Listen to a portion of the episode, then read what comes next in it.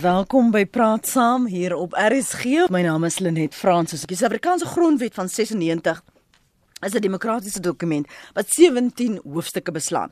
Dit bepaal hoe die regering die land moet regeer en dit 'n handves van menseregte wat die menseregte van my en van jou, alle landsburgers beskerm.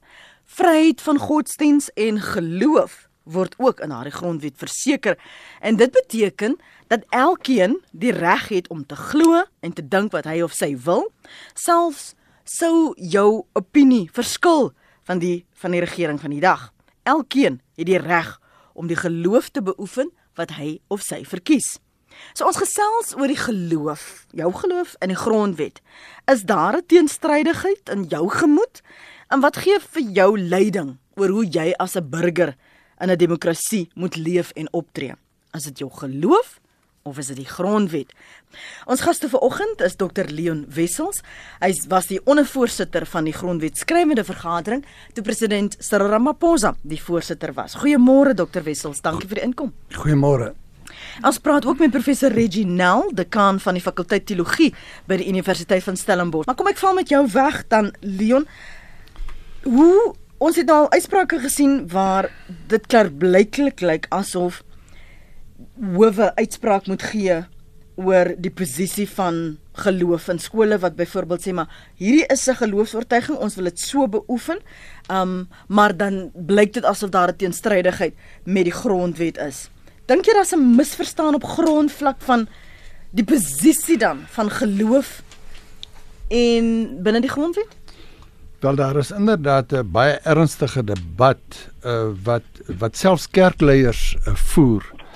Ek dink 'n mens moet vashou aan drie breë beginsels mm. wat in die grondwet vervat is, anders gaan jy verdwaal tussen al hierdie uitsprake en al die debatte. Die eerste die eerste belangrike beginsel is dat die die grondwet is die hoogste reg in die land en Dit word op 'n baie spesiale manier beskerm en verskans. Uh saam met al die waardes soos menswaardigheid, die bereiking van gelykheid hmm. en so meer. 75% van die nasionale vergadering moet dit ondersteun uh saam met ses provinsies. Dan die hoofstuk waaroor menseregte waarna jy verwys het, uh het ook 'n spesiale beskerming, naamlik 66%. En in daardie hoofstuk word uh geloofsvryheid onderskryf. Uh en is dus ook spesiaal verskans omdat elke bepaling in hoofstuk 2 so so beskerm word. Maar ons moet onthou dat Suid-Afrika is nou 'n sekulêre staat. Dit is 'n demokrasie, dis nie 'n kristokrasie of 'n teokrasie nie. 'n Sekulêre staat beteken gewoon die staat het nie 'n gunsteling godsdiens nie. So jy kan jou godsdiens beoefen, jy kan dit aanhang, jy kan dit bevorder uh en jy kan ook jou godsdiens organiseer met jou eie interne reëls. Maar jy kan nie jou godsdiens gebruik as 'n skild om die bepalinge van die grondwet te ondermyn nie. Met ander woorde, jy kan nie jou godsdiens gebruik om mense te martel, haat aan te wakker, 'n slawerny te bevorder, konflik aan te jag en so meer. Soos byvoorbeeld as hulle as sommige vir jou sê maar die Bybel of my godsdienst sê 'n oog vir 'n oog, 'n tand vir 'n tand, maar die grondwet sê jy sal nie moord nie en dit en dit en dit en dit sal die gevolge wees. Wel dit is waar die hele debat uh ernstig en intens raak want jy kan jou godsdiens aanhang, maar jy kan nie jou godsdiens gebruik om my te na te kom of om iemand te kleineer of om iemand uh minder waardig te behandel nie. Wat ons gaan bring by daardie gesprek oor abortus byvoorbeeld waar mense sê maar op grond van my geloofs-oortuiging kan ek nie meedoen nie of byvoorbeeld wanneer daar gay huwelike bevestig word. Ek kan nie dit doen nie want my geloof sê dit en dit en dit. Ja, dit dit dit dit, dit kom in spel. Dit alles kom in spel. Lyfstraf kom in spel. uh wanneer mense gesigsbedekkings in die howe dra en so meer. Mm -hmm. Reggie, welkom by Praat Saam. Dankie vir jou beskikbaarheid. Da miskien vinnig 'n kommentaar van jou kant na aanleiding van wat uh, inleidend wat Leon gesê het. Ja, baie dankie vir die geleentheid net. Uh ek uh ek het hom so die agterkant uh bygekry maar ek ek dink dat ons uh ek, tot 'n groot mate saamstem. Uh dit is egter vir my net belangrik om te sê dat dit is moontlik om uh as gelowige te kan sê uh ek leef volgens die Bybel. Uh, -huh. uh maar ook dat ek ook uh leef binne die raamwerk van ons grondwet. Uh so uh, ons verstaan is my verstaan is dat die twee nie mekaar uitsluit nie. Uh maar dat ons die twee uh kom ons sê nou maar bronne net binne die regte konteks moet verstaan. Uh mense sou selfs kon sê dat as mens die twee langs mekaar plaas, dan dan laat dit ruimte vir my om my geloof ten volle uit te leef. Maar ek dink die Bybel stel dit ook baie duidelik dat ehm um, ek moet my naaste lief hê soos wat ek myself lief hê. Uh Jesus het self gesê hier aan sal mense weet dat julle my dis as daar disippels is as daar liefde is. So uh die twee uh, hoef nie noodwendig teenoor mekaar te staan nie. Um en ek dink dit is miskien wat wat uh, net wat ek net as inleiding wil sê ja. Uh, wil noem ja. Ek wil gou vir ons luisteraars geleentheid gee om hier in te val want ek het ook al die argument gehoor op praat saam en op ander plekke waar mense nog steeds glo dat Suid-Afrika uh, is 'n sekulêre staat. Uh, is is nie 'n sekulêre staat, dit is 'n Christenstaat. En en daar ja. en dit is wat ons bepaal en was vir my interessant dat jy gesê dis die oppergesag die binne die reg van die land. Want mense sê daar is net een gesag. En ek laat my daardeur lei. Lenet, wat beteken dit wanneer 'n mens in 'n teokratiese staat leef? Dit beteken dat uh, beleid, wetgewing uh en en hofuitsprake word getoets aan die hand van die bepaalde teologie wat jy aanhang. Het sy of dit islamisme is of dit judaïsme of dit die christendom is. Daar's 'n baie interessante president en ek gaan nou nie die kerkleier se naam noem nie. Maar 'n baie belangrike kerkleier, 'n baie bekende kerkleier, het 'n brief aan Arthur Chaskelson geskryf en sê: "Luister nou mooi. Ek is 'n kerkleier, ek is 'n Christen en ek verteenwoordig soveel mense." Christene is in die meerderheid in die land en daarom is jou hofuitsprake, jou en jou hof se uitsprake uitpas uit met wat die massa Christene in Suid-Afrika verlang, spesifiek met betrekking tot die doodstraf en met betrekking tot abortus. Nou die antwoord hierop is dat die regters maak nie die wette van die land nie en die regters uh hoef nie die die die meerderheidsopinie te volg nie. Dis nie 'n referendum wanneer hulle 'n uitspraak maak nie. Hulle interpreteer die reg aan die hand van die waardes wat in die grondwet vervat is. Nou die uitspraak ten opsigte van Christene wat in die meerderheid is, is niks anders as wat die populiste in politieke kringe bevorder wanneer die wanneer hulle nie hulle sin kry in die howe nie, dan sê hulle vir die howe: "Julle is anti-revolusionêr, julle is anti-transformasie." Dus wanneer jy die grondwet interpreteer, volg jy nie die populêre siening nie. Jy volg die interpretasie van dit wat voor jou is hm. aan die hand van die waardes wat in die grondwet vervat is. En indien jy nie daarmee saamstem nie, dan propageer jy jou saak en jy verander die grondwet. Maar om die waardes van die grondwet te wysig, het jy 75% ondersteuning in die nasionale vergadering nodig. Ek gaan nou nou vir uh, vir jou vra Reggie oor wat jy doen en wat jy sê wanneer eh, 'n uh, lid van die gemeente kom en sê, "Maar dit is wat die wet sê."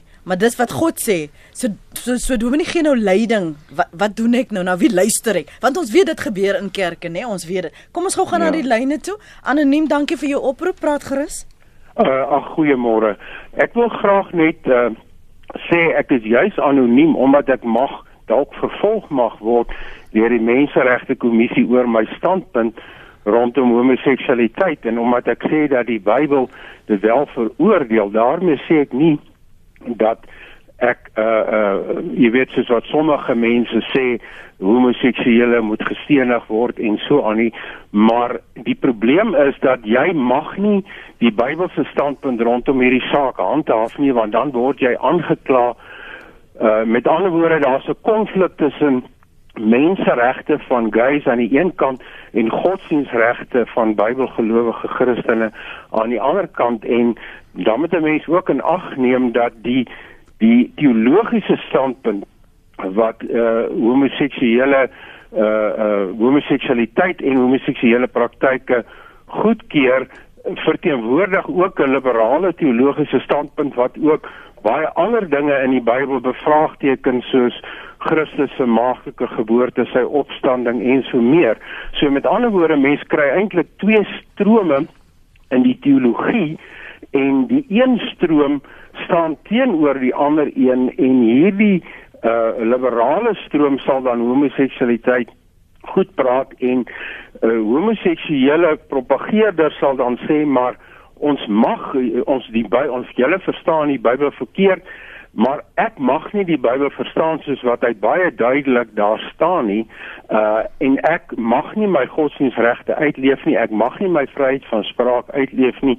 Ek dink ons is almal bekend met 'n bekende Christen spreker wat 'n boek geskryf het onlangs wat nou die boek moet uh, dinge verander in die boek. So haar vryheid van spraak haar godsdienstregte is alles nou daarmee heen ten ter wille van die die uh, menseregte van 'n ander groep. So ek sou net graag wil weet, jy weet, uh, gaan jy nou al twee kante kante vrede stel of moet jy dan nou die een persoon se regte inboet ter wille van die ander persoon se hmm. baie dankie. Baie dankie. Ek gaan dit gou vir jou 'n kans gee Connie want ek dink dit klink asof dit daarbey aansluit môre. Ja, net uh, die eerste spreker hier baie interessante vraag. Uh, Dr. Wessel soek bewus van die een wat uh, nou onlang uh, of in die toekoms ek dink binnekort voor die hof gaan uh, dien rondom uh, die NG Kerk en die gay gemeenskap. Miskien kan hy vir ons 'n bietjie daaroor vertel. Maar ek wil aansluit by hom rondom artikel 15.1 van die grondwet uh, wat hy aangehaal het uh die reg op vryheid van gewete, godsdienst, denke, oortuiging en mening. Maar ons moet ook verder kyk na artikel 15.2 en ek wil graag sy mening rond uh, rondom die godsdienstbeoefening by skole uh hoor. Artikel 15.2 bepaal voorts Hy ken dit baie goed dat godsdienstbeoefening by staats- of staatsondersteunende instellings kan geskied mits dit beoefen word uh en die reëls nagekom word uh in openbare wat uh, deur openbare owerheid neergelê is, billike grondslag geskied en die bywoning daarvan moet vry en uh, en, en en vrywillig wees. Maar nou moet ons ook sien in artikel 7 van die van die skolewet bepaal dan hoe daardie godsdienst godsdienstbeoefening moet geskied. Met ander woorde, niemand mag gedwing word om daardie bepaalde godsdiens uh, oortuig te word nie tot 'n spesifieke godsdiens oortuig te word nie en dan uh, leerders spesifiek hulle eie godsdienste oortuigings moet toegelaat word om dit te beoefen. Uh, dit is sonder diskriminasie, godsdienstvryheid uit te leef en te glo en aanbid uh, wie en wat hulle verkies. My vraag aan dokter Wessels is sou die uh, regering dan besluit dat uh, godsdienst in skole verbied word.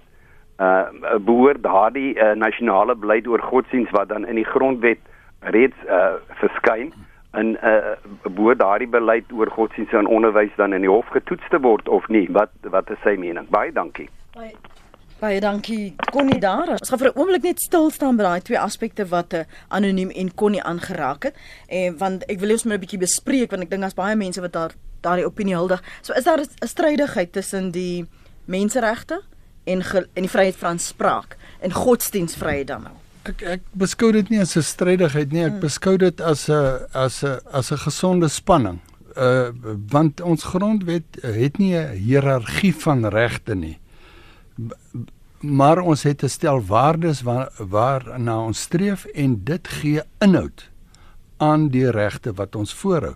So regte uh word aldag en heeldag gebalanseer omdat hulle uh, oënskynlik in spanning is met mekaar. En die essensie van dit is wat is jou regte en wat is my regte kom ons praat kom ons praat daaroor nou kom ons neem die die voorbeeld van uh die skrywer waarna verwys is skrywer het gesê waarin sy glo wat is haar oortuiging en in die proses het sy mense afgemaak as mindere mense. Sy sê hulle is die slagoffers van molestering, hulle is die slagoffers van ehm uh, nalatigheid aan die kant van die ouers en die mense wat wat wat na wie sy verwys het die LBT uh, eh, gemeenskap het uh, gegrief gevoel en hulle het beswaard gevoel dat hulle so geetiketeer word en so afgemaak mm -hmm. en gekleineer word en daarom is sy aangevat.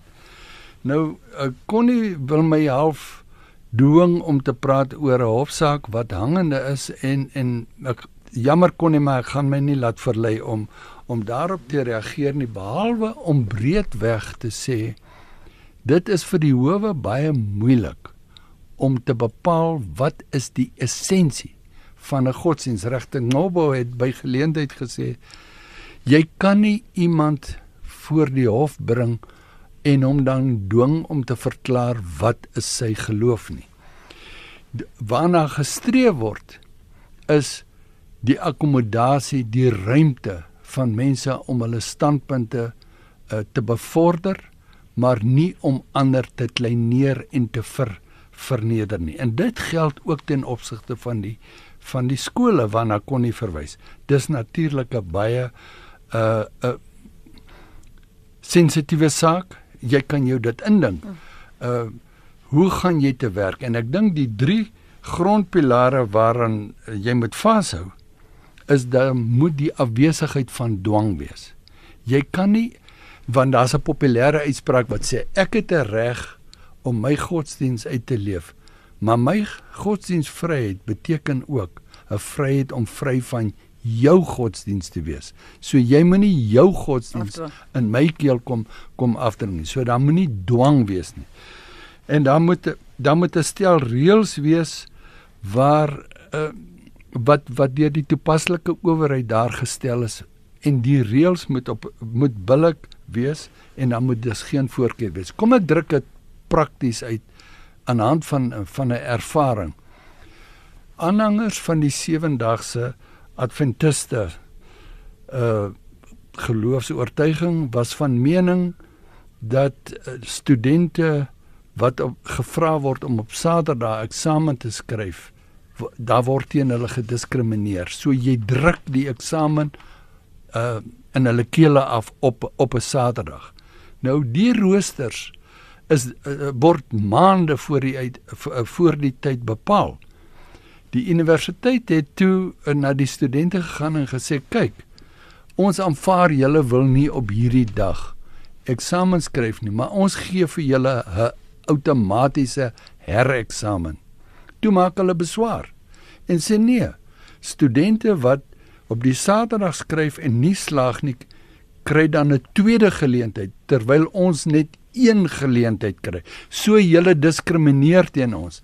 En die gevoel was dat uh, dit 'n praktiese oplossing was dat hulle geloofs-oortuiging gerespekteer is en dat dit 'n billike uitkoms was en hulle nie gelyk gegee is in daai geval nie.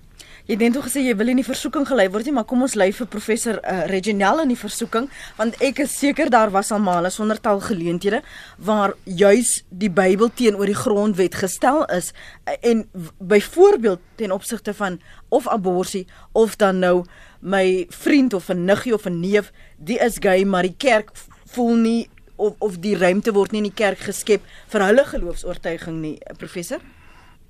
Ja, en net en uh, Dr. Wessels die die Bybel bly sentraal vir uh geloofsgemeenskap uh en en ons ons erken dit. Uh maar dit is ook belangrik dat ons sal sê dat ons die Bybel self ernstig moet opneem uh in sy kompleksiteit en in die studie daarvan. Uh die inbeller het het juis die inbeller wat spesifiek gepraat het oor die LGBTQI uh gesprek jy sê dat uh, daar verskillende moontlikhede is waarop die Bybel geïnterpreteer kan word. Ehm um, en dit is vir ons so belangrik dat ons hierdie verskillende of die diversiteit in die verstaan van die Bybel dat ons dit ook ernstig op. Want elkeen van ons kom na die teks toe met 'n ander uh agtergrond en met 'n ander behoefte, met ander vrae. Um en dis hoekom gesprek so belangrik is en die tipe van gesprek, byvoorbeeld tussen die teologie en die reg of byvoorbeeld binne die 'n publieke sfeer tussen verskillende gelowiges. Uh wat egter belangrik is en dit is ons verstaan dat die die howe kan nie kan nie uitsprake maak oor oor teologiese uh standpunt of teologiese debatte primêr nie. Behalwe waar dit natuurlik op so 'n wyse gevoer word dat dit uh dat dit neerhalend is en dat dit teen die uh teen die uh, waardes van die van die grondwet gaan. Maar en dis dis belangrik ook vir die hofsaak wat kom uh dat die howe kan wel uitsprake maak waar uh kerke en geloofsgroepe aangepraat word as hulle nie in lyn met hulle eie reëls optree nie. Uh met ander woorde, ehm um, kerke, geloofsgemeenskappe het regulasies. Uh ons moet in, 'n sekere kont sommige kerke praat van hulle kerkordes en as hulle nie volgens hulle eie reëls optree nie of hulle reëls so uh uh interpreteer of selfs so uh verwrong dat dit teen die waardes van die grondwet gaan, dan kan die howe wel vir die kerk sê, maar maar gaan terug na julle reëls, na julle eie reëls. Toe gaan terug na julle eie waardes. En ek vermoed dat dit is dit is ehm um, dit is die tipe van vraag wat gevra gaan word in die in die hofsuitspraak wat kom. Hmm. Miskien moet ons net dit sê dat binne die ek, ek praat nou spesifiek van 'n Christelike konteks, maar ja. binne die Bybel sien ons ook daar is verskillende standpunte oor oor aangeleenthede. Daar is 'n daar is ontwikkeling van uh hoe die wat wat baie keer genoem het hoe die uh geskiedenis, die heilsgeskiedenis ontwikkel het. Uh daar is 'n sekere manier waarop die teks, die Bybelteks verstaan word. Met ander woorde, uh die uh kom ons sê nou maar die Ou Testament en die Nuwe Testament, dit word binne sy eie konteks verstaan.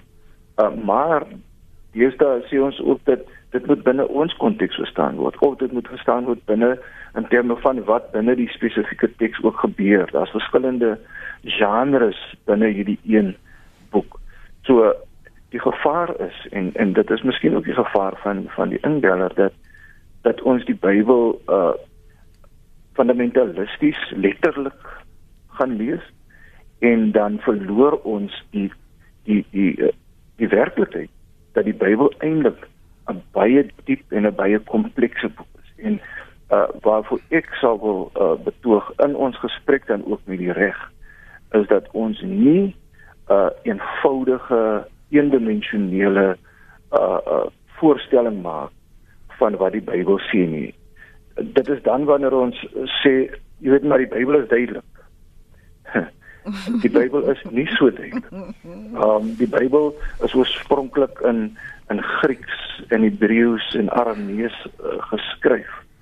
Um om daardie teks te verstaan, lees ons baie keer Afrikaanse vertalings wat uh wat wat oorgedra is oor generasies. Um en wat ook weer interpretasies. Daar is juis nou uh 'n nuwe vertaling Afrikaanse vertaling van die Bybel in die proses. Met ander woorde, uh ons kan nie maar die uh die saak afmaak. Die Bybel is duidelik. Ons moet ernstig en ons moet met groot erns hierdie gawe uh uh bestudeer en ons moet dit met mekaar doen. En dis hoekom hierdie gesprek vir ons so belangrik is. Ons moet dit binne die konteks van die menseregte doen. En dan dink ek begin ons as gelowiges 'n uh, 'n gesonde bydrae maak tot ons gemeenskap en en tot ons land. Dis die stem van professor Reginald. Ek weet jy wil reageer, dekaan by die fakulteit teologie by die Universiteit van Stellenbosch. Ons ander gas wat nou gaan reageer is Dr Leon Wessels. Hy was die ondervoorsitter van die grondwetskrywende vergadering toe president uh, Cyril Ramaphosa die voorsitter was. Van Breda, ek sien jou. Geem net 1 sekond. Leon, voltooi gou jou gedagte. Ek ek wil Christene is nie 'n homogene groep nie. Christene ja. bevind hulle in elke politieke party en hulle het verskillende beleidsrigtinge wat hulle aanhang. Dus Christene polities gesproke verskil met mekaar ten opsigte ten opsigte van die doodstraf ten opsigte van abortus en so meer en die uh, gewraakte uh, hangende dreigende hofsaak uh, waarna verwys word is dit lidmate van dieselfde kerk wat mekaar voor die hof daag omdat hulle nie saamstem oor prosedurele reëls soos uh, Prof Nel uh, melding van gemaak het nie. Die debat ook in regskringe, ook tussen die regters van hoe absoluut is die skeiding tussen staat en kerk en staat en geloof uh is 'n lewendige debat en het, het nog nooit 'n konklusie finale konklusie bereik nie.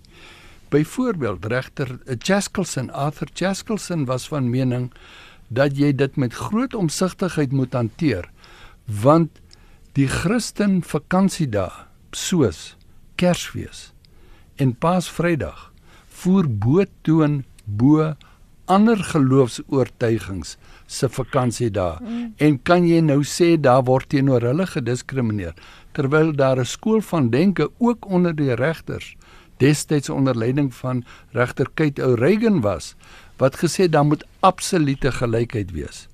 Nou ek het praktiese ervaring gehad waar mense op Kersdag wou werk en sê maar dit is nie ons 'n uh, geloofsvakansiedag hierdie nie.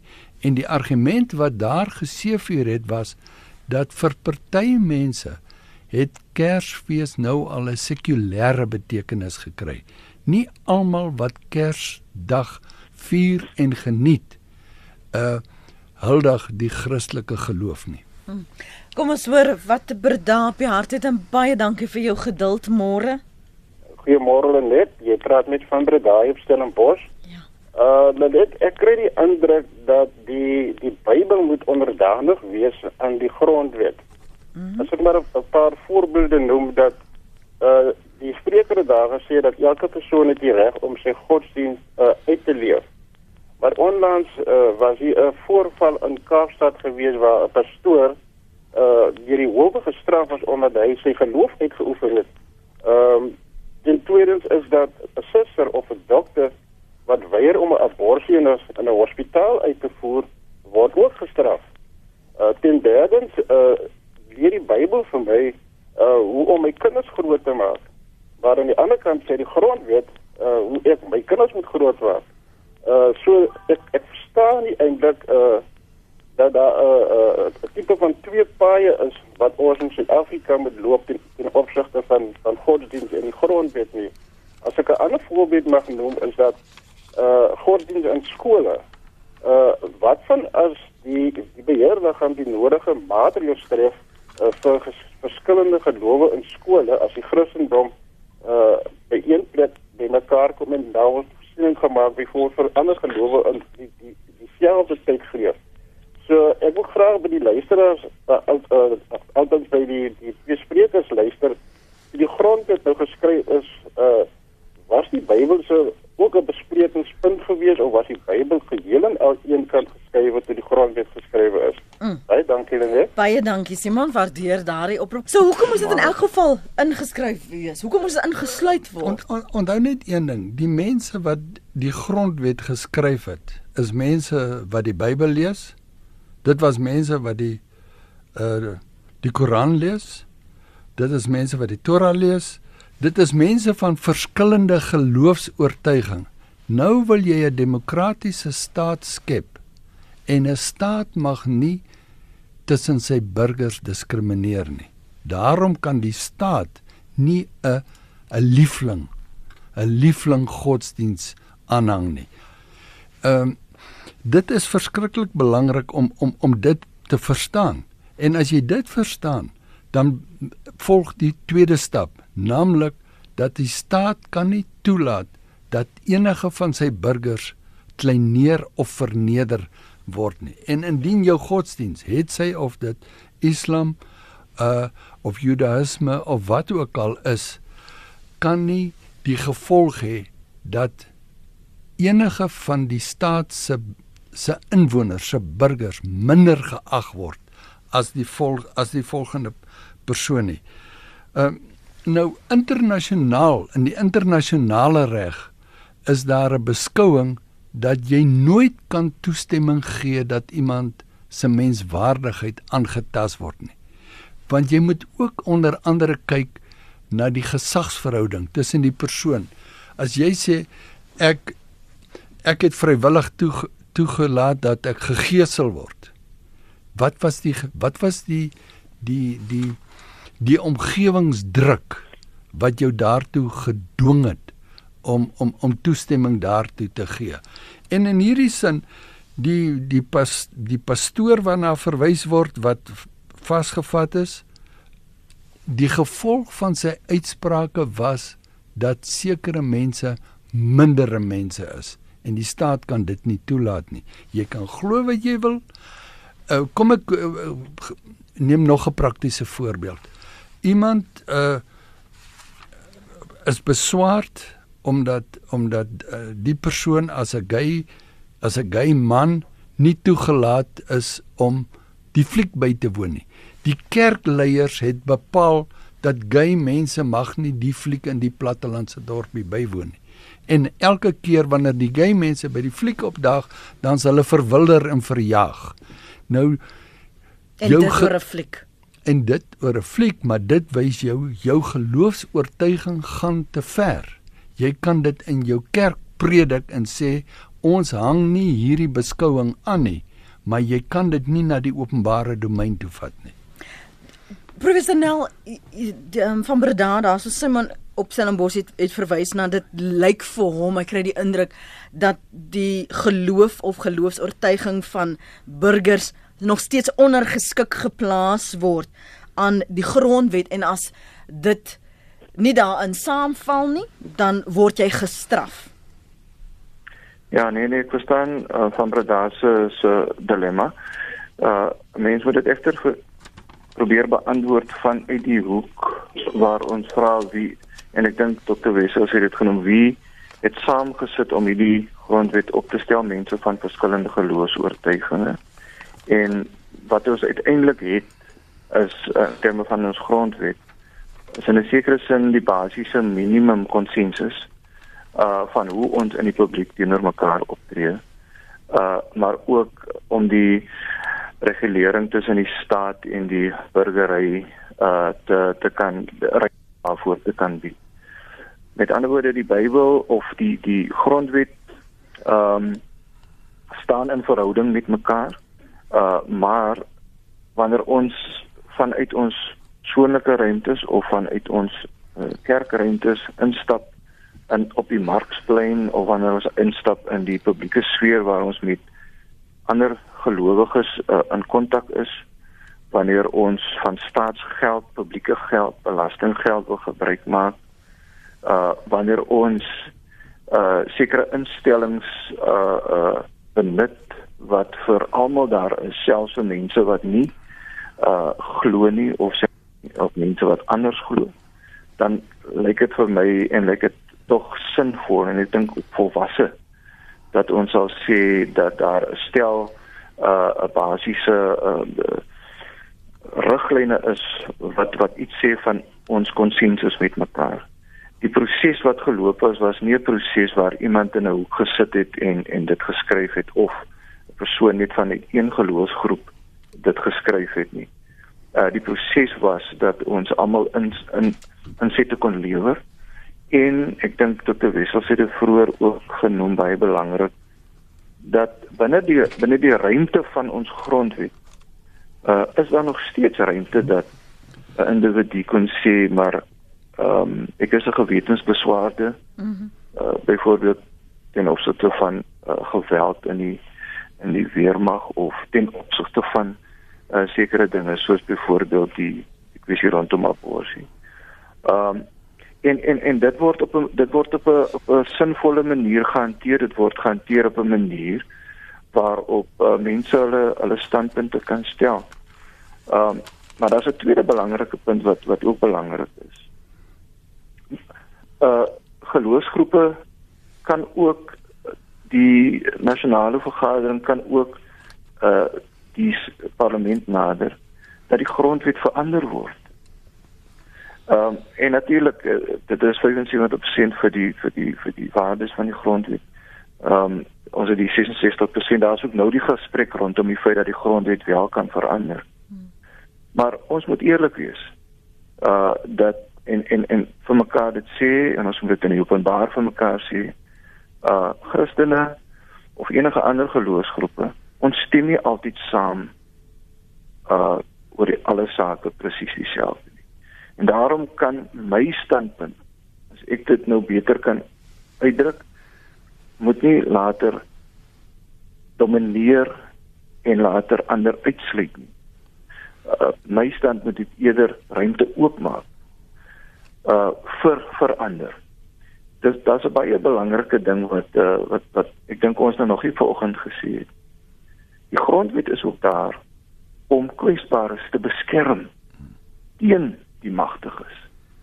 Uh, die grondwet is ook daar om om die wat uh uitgesluit word of die wat selfs 'n minderheid is om ook vir hulle te beskerm teen uh, die massa of teen die meerderheid. Ehm um, en en en, en baie keer en dit is die hartseer van ons geskiedenis as mm. as kerk, as Christelike kerk dat ons wou so magtig wees, ons wou so naby aan die magtiges beweeg, aan die rykes dat ons in daardie proses die wat weerloos is. Um en, en kom ons noem dit dan nou maar byvoorbeeld uh lede van die LGBTQI gemeenskap dat ons nie bereid is om saam met daardie weerloos is om saam met mense wat baie keer nie stemme het nie om saam met hulle die pad te loop nie of om vir hulle 'n plek onder God se son te geniet. Hmm. En en en dis dis lyk like dit vir my waar die grondwet daardie weerloos is en daardie wat kwesbaar is, beskerm teen 'n uh, 'n magtige dominasie van een kant af. Ek, ek herinner my ook aan aan insidente wat ons al in die verlede gehad het, want Reggie praat nou van die kwesbares waar Rastafariërs in die verlede gesê hmm. het, maar dis deel van my geloofsuitoefening en beoefening ja. om byvoorbeeld dagga te rook. Um vir watter rede ook al, dit is my uitleef daarvan laat ons nou nie mekaar so diep in die oë kyk Leon maar maar, maar daardie argument het telke male opgekom en dan was daar ander wat gesê het nee maar dis die wet en dit is uh, dit is nie uh, geregtig en gemagtig nie so daar daardie strydigheid maar ook die stemme van die kwesbares waar wa, mense wat wel voel my geloof is al wat ek ken en as ek sê maar ek glo nie dit nie of ek laat my lei deur God of die Bybel of wat ook al my geloof, die Koran of die Torah, my geloofs-oortuiging is, dan word hulle afgemaak as eng, konservatief, uit die oude doos, agter, bietjie bykom. So so jy het net te verwys na dat daar moet 'n gesonde spanning wees. Ja, wel die gesonde spanning lê daarin dat uh, ons mekaar nie afkraak nie, maar dat ons vir mekaar ruimte gee en mekaar se sieninge weeg. Jy moet een ding onthou, ons streef daarna om diversiteit te bevorder en die minderes, die swakkeres te beskerm. Dit is die ideaal. Die dilemma wat 'n mens gehad het met die gebruik van vandag al dan nie het sy vir medisinale redes, vir ontspanningsredes of vir geloofsredes. Hoe bepaal 'n regter dat in 'n gegeewe omstandigheid is hierdie ganja gebruik om uh te mediteer te mediteer vir geloofsredes of vir ontspanningsredes. En en dit is hoekom dit uh iets wat op die agterplaat uh op die agterplaat is. Uh ek ek vind nie dat dit 'n onoorkloomlike spanning is nie. Mense moet net vir mekaar ruimte gun om te wees wie hulle is sonder om ander uh minder te ag, te kwets en te na te kom. Dankie vir jou geduld Pietro, ons luister. Pietro? Ehm uh, goeiemôre Piet, uh, goeiemôre Lenet en aan die luisteraars ook. Ek luister nou so aandagtig na wat daar gesê word. Deur daar is vreeslik baie tyd oor nie, so ek gaan dit probeer vinnig maak. Vir my Lenet is die Bybel soos wat ek gelees het 'n ware, betroubare woord vir almal tot lering en bekering en ek sien ook elke dag hoe die Bybel in vervulling gaan. Dit die Bybel is een boek wat op datum bly wat nooit nodig regtig gehad het om hersien te word om by mense aan te pas nie. Want self daar lees ons ook dat die Here sê dat die, sy sy skape dwaal rond omdat die leraars uh, eintlik dinge sê om hulle gunste uh, te te, uh, te kry by mense en nie die ware betroubare woord uitleef nie. En ek weet ook dat op die ou en sal ons nie meer die Bybel kan lees nie. Dit staan ook daar omdat dinge verander word dat ons moet glo soos wat reeds nou gebeur. As die Here sê dinge is verkeerd, net vir my is dit verkeerd. Ek sal nooit teen gunste wees van gees nie want die Here sê dit is nie reg nie. Nou wil die staat ons soort van uh, dwing om dit nou te en ek sal nie teen daai mense diskrimineer of uh uh, uh jy weet hulle enige iets snaaks dink domineer of so iets nie. Ek respekteer ander se opinie, maar ek voel net ook dat my opinie moet ook gerespekteer word en al moet hulle my dan maar in die tronk ook sit, uh, sal ek nog sê die die, die woord van die Here sê dis verkeerd en dit is verkeerd. Goed Petro, dankie vir jou oproep Peer. Jy's ons ja, laaste. Goeiemôre net. Ja. Uh sê maar vir Leon ek stuur groete Peer Kotse. Uh ek wil graag weet by hom dat die politici lê hulle hand op die Bybel en sweer voor God en die mense teenwoordig dat hulle sal die republiek en die mense dien. Maar hulle dien nooit die republiek en sy mense nie, hulle dien altyd die politieke party waarvoor hulle werk. En die howe sê net as hulle hof toe gaan daarmee dan sê hulle net dat die grondwet oortree. Maar my vraag is, daar is nooit 'n uitspraak wat sê ek straf jou oor dat jy die grondwet oortree het. Die mense oortree die grondwet net hulle wil, maar ek hoor niks van straf uitgedeel word nie. Goed Pierre, dankie vir jou opsomming daar. Johan skryf, die vraag is gevra, wat gebruik jy as morele riglyn? Die antwoord is eenvoudig: samewerking tussen mense en eerbiediging is 'n natuurlike ding. Daar is geen bo-natuurlike wese nodig om dit te hê nie. Die hele godsdiens idee is 'n fiksie. Weerens sê ek raak ontslae daarvan maak jou oë oop vir die werklikheid van die mense bestaan en ons sal baie beter kan lewe op hierdie aarde. Lees weier as die heilige boeke sê Johan. Dan sê uh, Johan uh, ander Johan Tron, uh, die NG Kerk het op grond van ras verskillende denominasies gevorm met een woord van VGK het die hof op grond van die grondwet minderheidsregte verskans. Die minderheid weerhou nou die NG Kerk op rassistiese gronde om nie as kerke te verenig nie. Al glo die meerderheid dat dit 'n skriftuurlike vereiste is hier is die grondwet teen die woord sê daardie Johan. Anoniem sê is al die wetskrywers gelowiges en eerbare mense. Verder wil ek weet of dit toegepas word. Het uh, president Ramaphosa al eendag iets oor 'n plaasmoord gesê? Moet asseblief nie hamer dit is die beste grondwet in die wêreld nie, dan word dit glad nie toegepas nie. As ek kyk wie het dit geskryf, skud ek maar net my kop. Leon Wessel sal nou daarop reageer aan 'n uh, kan uh, anoniem sê ek kan nie verstaan hoekom geleerde mense nooit die naam van daardie kerk of geloof kan regkry nie. Dis die sewende dag Adventiste kerk. Mense kom uit met sewe daagse, sewe dae en sovoorts en sovoorts. Is tog nie so moeilik nie en baie dankie dan anoniem vir daardie regstelling. Kom ons sluit af na aanleiding van wat ons luisteraars sê en ook die gesprek en wat ons aan kon raak vanmôre want ons weet selfs hierdie spanning sien ons internasionaal, ons sien dit in ander lande. Ons sien dit ook in Frankryk byvoorbeeld met die spanning oor of meisies toegelaat moet word om die burger in skool te dra en so voort. So ek gaan vir jou kans gee om af te sluit binne 'n minuut, uh Leon en daarna vir Reggie. My my ervaring is dat hoe meer ruimte jy vir iemand anders skep, hoe meer ruimte kry jy om vir jouself op te eis. Dit wil sê as ek iemand anders die ruimte gun om sy geloof uh, uit te leef, dan kry ek ruimte ook om my oortuigings uh, uit te leef, maar dit moet in balans wees. Ek moenie my geloof ten koste van jou uh, uitleef nie. Die argument dat die grondwet daar is en niemand word gestraf nie, uh is 'n is 'n ingewikkelde is 'n ingewikkelde regsproses wat gevolg word en dikwels skiet ons tekort, maar een ding is seker, die regsmeele maal almal hulle stadig en daar is 'n paar belangrike figure in die land wat kort kort voor die howe is en probeer uh, dat hulle nie gestraf word nie. Professor Nel Reggie Ek wil maar net 'n oproep maak, uh Lenet as as ons as gelowiges ons gesagvolle tekste, dis nou of ons nou moslim is of Christene, Jode of uh, Afrika godsdienst as ons dit ernstig opneem.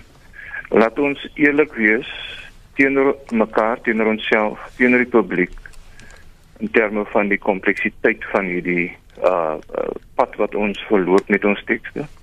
Dat ons eerlik wees met die kompleksiteit van die teks self. Maar ek dink die belangrikste ding. Laat ons dit leef. Laat ons dit beliggaam. Uh en en as 'n gelowige as Christene en en ek dink dit strek oor verskeie geloofs uh uh tradisies. Uh beteken dit eenvoudig leef die liefde. Uh maak ruimte vir mekaar. Uh laat ons laat toe dat mense leef onder God se son selfs selfs as jy nie in 'n spesifieke God glo of glo daar is 'n God nie, gee ruimte. Uh want dit gaan oor die liefde, dit gaan oor die uh soos hulle sê die hashtag liefde is liefde. So ek dink dit is waaroor dit gaan vir ons vandag en dis waaroor dit moet ook gaan wanneer ons praat oor die grondwet. Baie dankie professor Reginald en baie dankie aan Dr Leon Wessels vir julle beskikbaarheid vanoggend soos Dr Leon Wessels gesê het. Sela, maar ons weet daar's nog lank nie klaar gepraat hieroor nie.